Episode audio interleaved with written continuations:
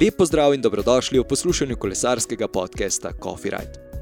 Moje ime je Uroš in skupaj s Simonom iz Pulse Performance sva za vas pripravila eno novo epizodo. V njej odgovarjava na vaše vprašanja.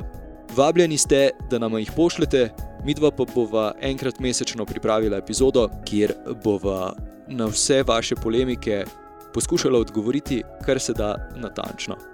Prisluhnite. Takole, lep pozdrav, ponovno v moji družbi Simon Cirnski iz Pulse Performance. Zdravo, Simon. Zdravo, Uroš. Pred časom smo se že pogovarjali, sedaj se stvar končno odvija. In sicer Simon je na svoji Facebook strani, v bistvu, kaj si naredil, eno anketo, kakšno vprašanje se porajajo kolesarjem, ali kako malenkost razloži, ker sem že pozabil, že kar nekaj časa od takrat. Ja, res je, zdaj pa že kar nekaj časa nazaj. To, uh, v bistvu, kaj je, jaz sem med svojimi sledilci poprašal, tema je v bistvu za njih zanimiva, mislim, o čem bi oni radi poslušali, zato da jim mi vedno. Ne, vem, ne poseljujemo nekih tem, ki jih hočemo mi uh, predstaviti, ampak da nam v bistvu oni povejo, kaj jih zanima, in jim pač poskušamo to uh, predstaviti. Točno tako. In takrat sem jaz v bistvu eh, eno, prišel na eno idejo, ki sem jo potem tudi Simonu predstavil, in sicer, da bi naredila eno eh, v bistvu podstran na spletni strani coffeeright.com, uh, kreirala en mail, kamor lahko v bistvu vi sedaj pošljete svoje vprašanja. Za štart bova uporabljala teme, ki jih je takrat pridobil. Tako da, ja, to bo zdaj vsaj enkrat mesečno, nekako tako, ne, sva rekla. Ja, no, pač tudi odvisno od vprašanj, ampak mislim, da je ja, enkrat na mesec lahko odgovarjam vsa vprašanja, ki jih dobimo to je to. In v bistvu današnja tema bo intenzivnost. Torej, cone treninga, količina treninga, čas treninga, torej timing, vse, vse te stvari. Je tako, sem pravilno razložil. Je tako, ja. To je bila tema, ki je največ ljudi, pač hoče, da o njej govorimo. Ja. In po mojem, najboljše, da kar pričneva. In sicer, kaj v bistvu sploh je intenzivnost, Simon, če morda nekako razložiš. Ja, ok. Intenzivnost v bistvu lahko definiramo kot stopnjo napora, ki ga dožimo, doživljamo v nekem danem trenutku. Pač to lahko tudi zdaj, ko se mi dva v bistvu pogovarjava, ali pa med neko športno vadbo.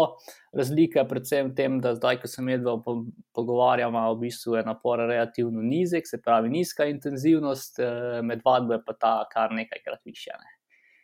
Kako jo zmerimo? Na kak način je to v bistvu merljivo? No? Ja, se pravi, intenzivnost merimo lahko kar na velik način. Uh, najpogosteje v bistvu uporabljena sta predvsem dva načina, ki so tudi med kolesarji v bistvu najbolj uporabljena. Uh, to je merjenje srčnega utripa med vadbo ali pa merjenje moči. Se pa tle v bistvu kar hitro stvari zapletejo, uh, zato ker v bistvu srčni utrip in moč, ki ga uporabljamo za merjenje intenzivnosti, v bistvu merita dve različni stvari. Zdaj, če nekako preprosto povemo, v bistvu z močjo merimo naš input, se pravi, kaj mi dejansko damo v napor ne, in kako močno pritiskamo na uh, pedala. Srčni utrip meri pa dejansko naš output, oziroma uh, kako se v bistvu naše telo odziva na ta napor. Se pravi, kaj je naš, naš, naše srce naredilo, ko smo mi močneje pritisnili na pedala. Uh, tako da v bistvu s srčnim utripom merimo posredno intenzivnost, ampak pač še vedno intenzivnost. Prav tako imate v bistvu oba neke prednosti in slabosti, uh, ampak še vedno zelo uporabne, uporabne metode za uh, merjenje intenzivnosti. Zdaj sklepam, da je najboljša kombinacija obojega za merjenje. Ampak vseeno, kaj, kaj so prednosti enega prednosti drugega, kako mogoče če na kratko razložiš. Ja. Eh, zdaj pri, pri uh, srčnem utripu vemo, da je tisti neki zamik uh, ena slabost. Ne? Če, če jaz prav vem. No. Je tako, pač v bistvu ja, srčni utrip je, bomo rekli, zelo počasen, kdaj, sploh pri visokih intenzivnostih, ker se zgodi, da ob tem, ko mi že nekaj časa pritiskamo močno na pedala, se ta utrip postopoma uh, dviguje, če imamo neke res zelo, zelo intenzivne napore, pa, ki niso niti tako dolge, mogoče se lahko zgodi to, da pač utrip sploh ne pride do neke željene vrednosti. kar pomeni, da je tam tudi trening po tripu ne, ne najboljši, oziroma pač težko ga izvajamo. Moč je pa tle v bistvu takojšna, se pravi, mi pritisnemo na pedala, dobimo uh, številko, številko na kolesarskem števcu, skupaj pritiskamo, kar je za izvajanje nekega intervalnega treninga dosti bolj priročno. Ne. Zdaj, vsak, ki si je kupil kakšno športno uro, pa vsak, ki se je malenko že srečal, vsaj z srčnim utripom, če ne že z par metrom, ve, da se določijo tudi neke cone treninga, torej uh, cona 1, 2, 3, 4, 5, tudi več. Kako bi v bistvu nekako to razložila? Jaz sem nekaj zdaj probal na hitro povzeti. No. Ja, v bistvu, mogoče samo za, zač za začetek, kaj so v bistvu te cone treninga. To je samo nek spektr intenzivnosti, od nizke do visoke, ki ga razdelimo pač na različna, obdo, uh, se pravi, različna območja, ki nam pomagajo pa naprej pri strukturiranju treninga. Se pravi, neke niže, niže cone treninga za nek lažji trening, neke pač cone pri višji intenzivnosti, zato da lahko mi med treningom uh, sproti spremljamo, kako intenzivno dejansko kolesarimo. Kako pa jih v bistvu določimo? Jaz sem že v štartu ne, nekaj blebetal, ampak vseeno, pustimo recimo uh, v tem primeru, kaj pa vem, Garmin aplikaciji, da jih sama določi, uh, mi sami spremljamo, jih korigiramo, pridemo v bistvu recimo do tebe ali pa do katerega drugega trenerja, da jih na tak način določi. Kako je v bistvu sploh, kak je, kak je pravilen postopek? No? Reči v tem tako. Ja, v bistvu zdaj uh, tle je zelo odvisno od tega, sploh kakšen je naš, naš sistem. Zdaj, če mi v bistvu sami treniramo, nimamo trenerja, si pač te cone določamo uh, največkrat sami. Uh, to v bistvu lahko naredimo, imamo na spletu malo morje različnih kalkulatorjev uh, in si pač. Uh, vnesemo noter določene parametre in dobimo ven, se pravi, podatke o teh conah. Zdaj, če imamo več trenerje, s katerim sodelujemo, jih ponavadi on uh, sestavi, glede na sistem, uh, ki ga ima. Uh, tako da tam se pravi, pol športnik ne rabi, ne rabi razmišljati še o tem. Se pravi, za določanje s temi kalkulatorji je načeloma čisto ok, samo določanje con niti ni. Uh, problematično. Pač poznamo veliko različnih načinov, največkrat so uporabljeni kot 3 in 5 oziroma 5-7 conski modeli. To je neka klasika, tako pri teku, kot tudi pri kolesarjenju. Kar je v bistvu pomembno, potem, ko sestavimo cone, se pravi, kako te v bistvu naprej v treningu uporabljamo, ker to nam v bistvu tudi narekuje kvaliteto treninga, same cone. Eh, oziroma, ločevanje teh con je pa relativno lahko in lahko v bistvu vsak sam to stori. In tu se v bistvu potem pojavi dejansko naslednje vprašanje. In sicer, kako potem v bistvu trenirati, kdaj, koliko intenzivno, oziroma kako intenzivno. Uh, kako v bistvu se to določa, no? uh, nek, neka struktura treninga, glede na, glede na te cone? Ja, zdaj pa če z intenzivnostjo na začetku lahko rečemo, da moramo biti kar pazljivi. Je pa tudi zelo odvisno od uh, pristopa, ki ga vzamemo. Pač tle je mogoče začeti s tem, da imamo različne vidike periodiziranja treninga, se pravi, kako trening dejansko strukturiramo. Se pravi, na eni strani imamo neko tradicionalno strukturiranje treninga, na drugi, na drugi strani pa neko netradicionalno. In načeloma tako, pri uh, tradicionalni periodizaciji zgleda tako, da v bistvu sezono začnemo z nekim povečanim obsegom treninga, ki je pretežno nizko intenziven, se pravi, se izogibamo visoko intenzivnim naporom.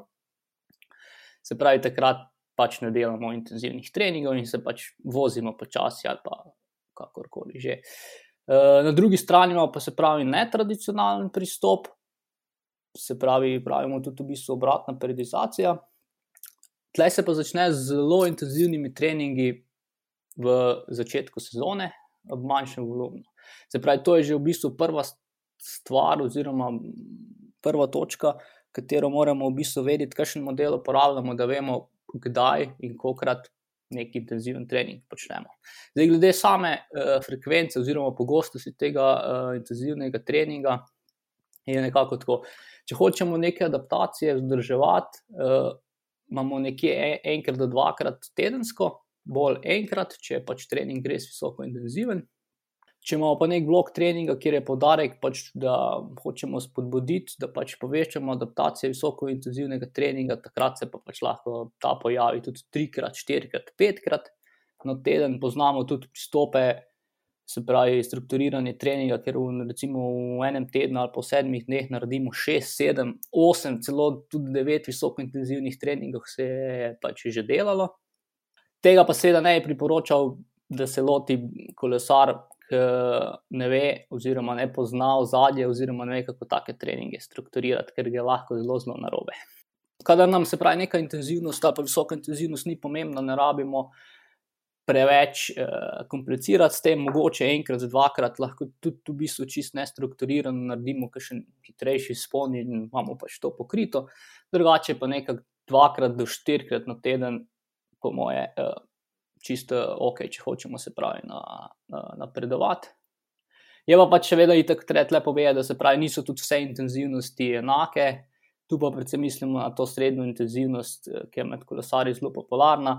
Ko pa to vključimo v trening, polje pa treba tudi ostale intenzivnosti oziroma frekvenco teh intenzivnosti treningov mičkeno prilagoditi, da ni na koncu tedna preveč. Zdaj eno pod vprašanje recimo, kako se v bistvu sploh v štartu odločiti zdaj, recimo, za ta dva različna pristopa, ki si jo v štartu omenil. Ne? Kakšna je potem razlika recimo, v, v outputu, ali pa m, ja, na kak način se v bistvu sploh v štartu odločiti, katera smer je pravilna, ali pa za katero smer se, uh, ja, za katero smer se odločiti. Ja, to je, to je zdaj v bistvu pol stvar trenerja oziroma kolesarja v bistvu, kaj tle največkrat pogledamo, največkrat pogledamo kakšni so v bistvu cilji kolesarja in kakšna je njegova trenutna pripravljenost. Največkrat se naredijo testi, da poskušamo določiti, kaj so kolesarjeve prednosti, predvsem pa slabosti, in v bistvu na podlagi tega se pol odločimo, ok, uh, dajmo začeti po končani sezoni, recimo nek počitek, dajmo pač začeti uh, trening z visoko intenzivnostjo, da bomo s tem pač spodbudili adaptacije, ki nam bojo poskrbele, da so tiste tvoje slabosti, ki so glavni razlog, zakaj nisi ali pa zakaj ne napreduješ, se pravi, da ta del popravimo in pač pol se vrnemo na nek klasičen pristop. Uh, Na nizkointenzivne treninge. Tako. tako da, v bistvu, to bi bila glavna stvar. Se pravi, pogledamo, pogledamo vsakega kolesarja posebej, ker to je edini način, s katerim lahko v bistvu pol se odločamo, kaj bi bilo za koga smiselno. Tukaj v bistvu potem lahko nadaljujemo v to smer, s katero sta se že tudi s timom ukvarjala uh, lani uh, pri projektu Stelvijo, torej z polariziranim treningom, ki je bolj kot ne veliko bolj popularen, ali pa vsaj veliko bolj uh, se piše o njem. Je to nadgradnja tega, o čemer smo v, v prejšnjem vprašanju govorili, ali je to v bistvu čisto en spet drugi spekter treninga, o katerem govorimo? Uh, ja, se pravi, ta distribucija intenzivnosti je del tistega, kar smo prej govorili, se pravi, tudi odvisno od pristopa, ki ga vzamemo. Ampak, ja, tukaj si rekel, se pravi, položiran trening je pač tema, o kateri se relativno dosto zadnje cajtke piše. Se pravi, v bistvu, da mogoče samo na hitro vzamemo, kaj sploh gre pri polariziranem treningu. Gre se za to, da v bistvu veliko količino, oziroma nekih 90% treninga po času opravimo pri nekih zelo nizkih intenzivnostih, ki jih ponavadi določimo z nekim fiziološkim pragom, ker pač ne poznamo nekega 20-10 minut testa, minut testa, ki bi nam pač povedal, kje je naš ta prvi fiziološki, če lahko temu tako rečemo, prak. Uh, in se pravi, večino ali pa praktično ves trening uh, opravimo pri teh nizkih intenzivnostih preostanek, nekih 10%, gre pa predvsem za uh, visoko intenziven trening, tega pa, pa če pravimo nad FTP-jem, uh, zelo malo pa je se pravi tistih srednjih intenzivnosti. Se pravi, glih na to temo smo v bistvu nekaj dni nazaj objavili članek, uh, kjer smo v bistvu pogledali, kako trenirajo najboljši zdržljivostni športniki. Iz različnih športov, biatlon, tek, kolesarstvo. In v bistvu vidimo, da se ta polarizirana distribucija intenzivnosti, se pravi, veliko nizko intenzivne, pa nekaj visoko intenzivne uh, intenzivnosti, uh, zelo velikrat pojavlja pri teh športnikih. In v bistvu tle smo pol dobili vprašanje, ali je ta pristop oziroma taka delitev treninga mogoče superiorna neki klasični, kjer delamo veliko, veliko treninga v nekih srednjih conah. Je pa tle v bistvu treba povedati oziroma upoštevati specifike različnih športov. In v kolesarstvu je nekaj specifičnega treninga, ki ga upravimo v srednjih intenzivnostih. Uh, je pa pač dejstvo, da pretiravanje v teh conah, uh, se pravi v tej srednji coni, uh, znova in znova in znova, nek dolgi rok, pri že treniranih ljudeh, nima najboljšega vpliva. Je pa tle seveda tudi težava, se pravi, kako sploh določamo ta triconski model. Uh, tako da mogoče lahko pride za nekoga, da pač mora en del treninga opraviti pri uh, srednji intenzivnosti, za koga mogoče pride, da pač v srednjih intenzivnostih praktično ne opravi nič treninga. In tu v bistvu tudi pri naših kolesarjih je tako, da nekaj kolesarjev imamo, kjer se dela zelo, zelo polarizirano. Praktično 90%, 90 res nizko intenzivnega treninga, ki je pač res nizko intenziven trening, se prav, prav težko predstavljati, kako nizko intenzivno je to. Uh, ostalih 10% je pa res pač visoko, visoko intenzivnega treninga.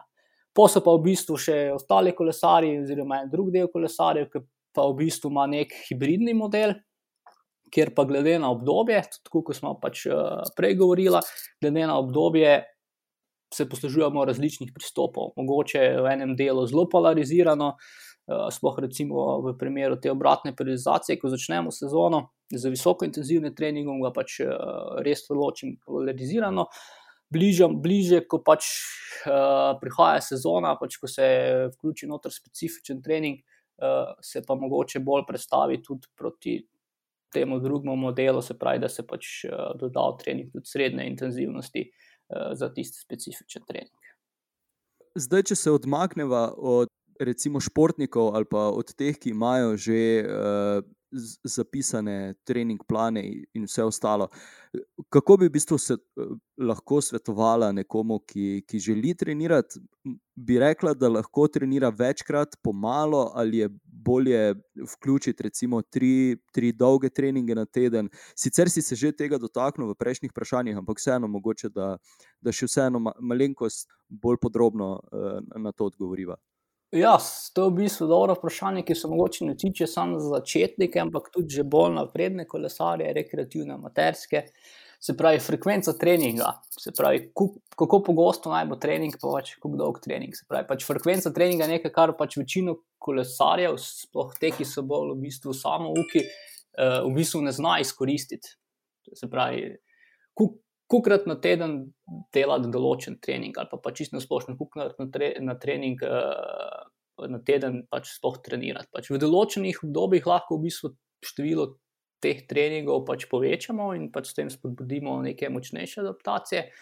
Recimo, čist primer, uh, končana sezona, zaključimo sezono, si vzamemo počitek, se počasi lotimo nazaj treninga. V tej splošni pripravi je smiselno povečati frekvenco treninga uh, in zmanjšati mogoče v začetku uh, samo obseg enega treninga. Recimo, raje naredimo na mesto petkrat tedensko, kar je klasika pri, pri kolesarjih. Recimo, če imamo 14 ur, ne naredimo to v petih treningih, ampak recimo naredimo sedem, sedemkrat po dve uri, mogoče tak en blok, in v bistvu pride še lepo počitek. To je lahko en primer. Se pravi, pač igranje s tem, koliko treningov pač naredimo, je v bistvu tudi delno pogojeno s tem, kaj hočemo s treningom doseči.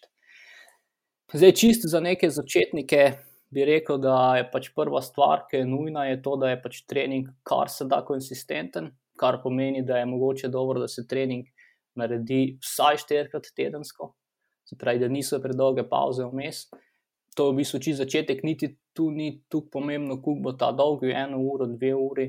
Uh, pač važno je, da je reden, to je prvi pogoj za pač napredovanje. Če tega ni, uh, tudi napredka ne bo. Za vse ostale pa pač, kot se neko čisto odvisno, glede na to, kaj želimo, pač tle je full veliko igranja. Uh, je pa pač nekako pravilo, da v bolj splošni pripravi lahko tudi povečamo, se pravi, frekvenco teh treningov, naredimo več treningov, mogoče malo krajših. Prav tako, v bistvu, ko nekako pridemo v specifično pripravo, ko se pa enkrat bližamo tekmovanju, se v ponavadi število treningov zmanjša, ravno zato, da se v bistvu tudi spočijemo. Uh, in v bistvu po nekaj tednov, mogoče pred tekmovanjem, ko imamo pač to teper obdobje, se zmanjša ta frekvenca treningov na trikrat, petkrat, pač odvisno od posameznika, moramo pač le paziti. Da nismo cel teden pred dirko, frej, oziroma brez treninga, zato da bomo fulj spočiti, ker se bo v bistvu v tem času že zgodila, bomo rekli, negativna adaptacija in bomo pač prišli na štart slabše pripravljeni, kot bi pa lahko. Okay. Zdaj, nekdo, ki to posluša, bo rekel, da okay, je zdaj malenkost bolj razdeljen intervalni trening. Je to res, lahko to v bistvu jemljemo kot intervalni trening, ali so vseeno tukaj razlike? Ja, zdaj odvisno tudi, kako definiramo interval. Uh, ampak v bistvu ne. Pravi, ko govorimo na tedenski ravni o tem, kolikrat kako pogosto bomo trening delali, govorimo o frekvenci treninga in v bistvu na intervalu. Interval je ponavadi omejen znotraj ene vadbene enote, ampak tukaj sem prej rekel, definiranje intervala. Je lahko kar težko, čist primer. Imamo nek dveurni trening, kjer vmes naredimo 10 minut, uh, po protokolu 30 sekund intenzivno, 30 sekund počitek, In se v bistvu zdaj odločamo, kaj je v bistvu zdaj interval. Je interval vsakih 30 sekund intenzivno ali je interval vseh 10 minut skupaj. Ne? V bistvu to je tako, bomo rekli, velikrat pri planiranju lahko kar problem, ker če ne razumemo, kaj točno je interval, tudi v bistvu ne vemo, kaj so v bistvu potem adaptacije tega. Tako da to je tudi v bistvu še tako ena na pol filozofija. Razumem. Okay. Zdaj, če smo vse te stvari obdelali, kaj pa je potem z, z recimo stopnjevanjem treninga, oziroma uh, progresija časovna in uh, recimo vem, dvigovanje moči, kakorkoli, da ne, da ne zaidem preveč. Kaj pa s tem, se, se morajo treningi, recimo, eksponentno daljšati, ali lahko ostanejo v nekem časovnem okvirju, Mislim, ki si ga razumem, ja, zadamo. Ja. Uh, zdaj, eksponentno povečevanje volumna treninga ne priporočam, ampak ja, v bistvu se pravi stopnjevanje treninga oziroma progresija oziroma tudi postopnost, kot pravimo, pač mora v bistvu v vsakem planu biti. Ideja pa je, da postopoma obremenjujemo telo oziroma stopnjujemo do neke točke, kar tudi pomeni, da pač uh, naša pripravljenost se po nekem postopku dviguje. In to je v bistvu ključ za to, da lahko tudi mi formo, recimo za nek določen event, uh, tudi uh, tempiramo, oziroma pripravimo uh, kolesare, da je takrat najbolj, najbolje pripravljen. Zdaj, kako v bistvu stopnjujemo tle, je spet kar nekaj načinov lahko je v bistvu čist eh, primer, kot si ga sam rekel, se pravi povečevanje obsega treninga. Recimo na neki tedenski ravni začnemo en teden 10 ur, naslednji teden naredimo 11 ur, pol naredimo recimo 12 ur, pol si vzamemo nek počitek in pol spet recimo naredimo 11, 11 ur, 12 ur, 13 ur. Se pravi, pač to bi bil en način. Stopnjujemo v bistvu lahko tudi pri intervalnem treningu, predvsem število intervalov. Recimo en teden naredimo dva treninga, kjer naredimo 5x4 minute, naslednji teden naredimo dva intervalna treninga, kjer naredimo 6x4 minute, in mogoče tretji teden 7x4 minute. Ena opcija zdaj pri intervalnem treningu je ne spreminjanje števila intervala, ampak spreminjanje časa intervala. Se pravi, en teden delamo 4 minute, 5x4 minute, en teden delamo 5x5 minut, en teden delamo 5x6 minut. Potem v bistvu še ena progresija pri, pri intervalih je tudi uh, počitek med samim intervalnim treningom. Če imamo recimo spet 4-minuten interval in naredimo en teden 4-minuten počitek, naslednji teden naredimo 3-minuten počitek in pač tretji teden naredimo 2-minuten počitek. In v bistvu to je tudi, kar mi v treningu delamo, kadar pač tempiramo formo, glede na adaptacije, ki jih želimo, se igramo s temi spremenljivkami in v bistvu s to progresijo, zato da telo postopoma obremenimo, da ni pač obremenitve preveč, zato da pač uh, lahko kvalitetno napredujemo. Pa je pa v bistvu še ena stvar pri progresiji, ki je zelo, zelo pomembna in je pač večinoma kolesarjev spregleda, pozabi ali pa mogoče celo ne razume. Ko govorimo predvsem o progresiji, ponavljanje istega treninga, kjer se mu ne spremenijo nič, nobena spremenljivka, ampak pač ponavljamo en trening znova in znova, kvalitetno. Predvsem pa to govorimo za nizko intenziven trening. Se pravi, da imamo neki triurni trening pri nizki intenzivnosti, kjer ga ponavljamo sedemkrat tedensko, 30krat v enem mestu. Se pravi, je kvaliteten trening znova in znova in znova. To je v bistvu tudi en način progresije, ne samo da pač vedno spremenjamo neke intervale ali poprečne moč intervala, kar koli, ampak v bistvu da kvaliteten trening, res kvaliteten trening ponavljamo dvakrat, trikrat na teden, če je pač nek specifičen trening. In to je v bistvu ena progresija, ki pri vzdržljivostnem športu na dolgi rok v bistvu največ prenese, se pravi, kvalitetno ponavljanje nekega določenega treninga. Ok, pol pa imamo zelo veliko nezadovoljnih eh, kolesarjev, ki, ki jim je vse dolgočasno. Ne? Ja, se v bistvu to, to je ena težava. To, to velikrat, sploh v zdržljivosti športa, pa pri kolesarjih se velikrat vidi, kdo je iz tistega pravega, pravega testa za ta šport. Ko gre v bistvu narediti, tudi če rečemo, okay, zdaj, da malo več trenira, nekaj 20 ur na teden, in mu ti rečeš, nič, zdaj pa štirikrat na teden delal, pač nizko intenziven trening, ki je mogoče res smešno nizko intenziven. In ga bo on ponavljal, in ga bo ponavljal kvalitetno, brez da bo pač daš neke okvirje, kjer se držiš med 150 in 200 vati, in ne bo v celem mesecu, kjer ima 20 teh treningov, ne bo niti v enem treningu presegel tiste moči 200 vatov. In v bistvu to na koncu, pač ta bomo rekli, disciplina pri intenzivnosti, pač ko to usvojimo in pač to ponavljamo dlje časa, uh, je že ena stvar, ki nam v bistvu prinese res velik napredek. Mentalni, če že ne drugače. Ne? okay. to, ja, v bistvu naučimo se, naučimo se pač spoznavati svoje telo, naučimo se pač kontrolirati, kako močno pritiskamo napadala. Največ pa v bistvu adaptacije, ki prijo na telo zaradi kvalitetnega izvajanja tega treninga. Super. Če se vrnemo čisto na začetek, ko smo govorili o srčnem utripu, sem, eh, ko smo se seveda pripravljali na ta podcast, eh, naletel na eno vprašanje, ki se mi je zdelo zelo zanimivo. Eh, in sicer, če je varno preseči svoj maksimalni srčni utrip.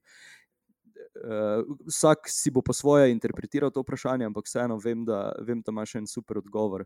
Uh, ja, zdaj, če smo presegli svoj uh, maksimalen srčni utrip, uh, pomeni, da si ga v bistvu že v začetni fazi nismo dobro določili. Pač le prva stvar, ki moramo vedeti, je, se pravi, iz kje smo, oziroma kako smo določili ta utrip. Smo ga to določili na teku in smo ga uporabili na kolesu, kar ni ok, ker na kolesu je recimo lahko naš maksimalen utrip 180, pri teku mogoče 185 pač razlog, predvsem to, ker uh, večji procent eh, mišic, oziroma večje število uh, mišic aktiviramo pri pr teku.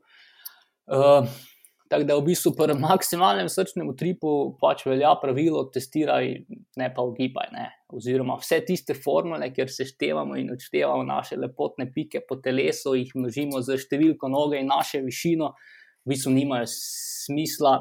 In uh, je pač zelo mala verjetnost, da bomo v bistvu zadeli vrednost našega srčnega tripa. Tudi v bistvu te vse enačbe, ki se uporabljajo veliko, tudi v kakšnih študijih, še vedno preberemo, da se eh, kot neke pogoje noter eh, navaja do te enačbe, ki so pač totalno nesmiselne in neuporabne. Da je v bistvu čisto primer, sploh pri ljudeh, ki se upošteva starost kot pogoj za nek maksimalni srčni utrip. Ja, pač vemo, da v povprečju eh, srčni, maksimalni srčni utrip z starostjo pada. Ni pa še pač to pogoj, da bo pač točno določen utrip. Čist primer, dve kolesarki, ki jih imam, ena ima 25 let, ena ima 28 let, se pravi, zelo podobne starosti. Ena ima maksimalen srčni utrip na kolesu 174, pač kar je, bomo rekli, kar nizko, ampak pač to je njen maksimalni srčni utrip.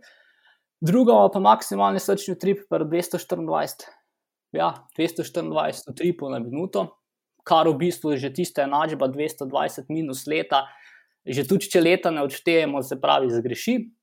Ampak ja, v bistvu pa čist primer na, na red huku, na kriteriju, ko je dirkala, eh, se pravi, 15 minut dolgem eh, kriteriju, je bil njen poprečni utrip 214. 15 minut, 214 utripov na minuto, pač kar je noro. Ne? Eh, in v bistvu to je en dokaz, da prva stvar leta z utripom ali pa določenjem utripa nima to veze. Tako da, dajmo raje testirati, pač protokoli za to so relativno pač lahki, pač lahko pač skočimo na net. Na internet napišemo, kako določiti, oziroma kako testirati svoj maksimalni srčni trip, pa bomo verjetno hitro našli kak pameten, tako, tako za tek, kot za kolesarstvo, uh, da si pač to določimo. Eh, super. Jaz mislim, da si zdaj razblinil vsa, uh, vse formule in vse ostalo, tako da bodo ljudje ja, pač, bolj razmislili. For, eh, for, for, formule so ena stvar, ki jih hočemo čim, malo, čim manj uporabljati v športu ali pa pol v bistvu pri določenju treninga, karkoli.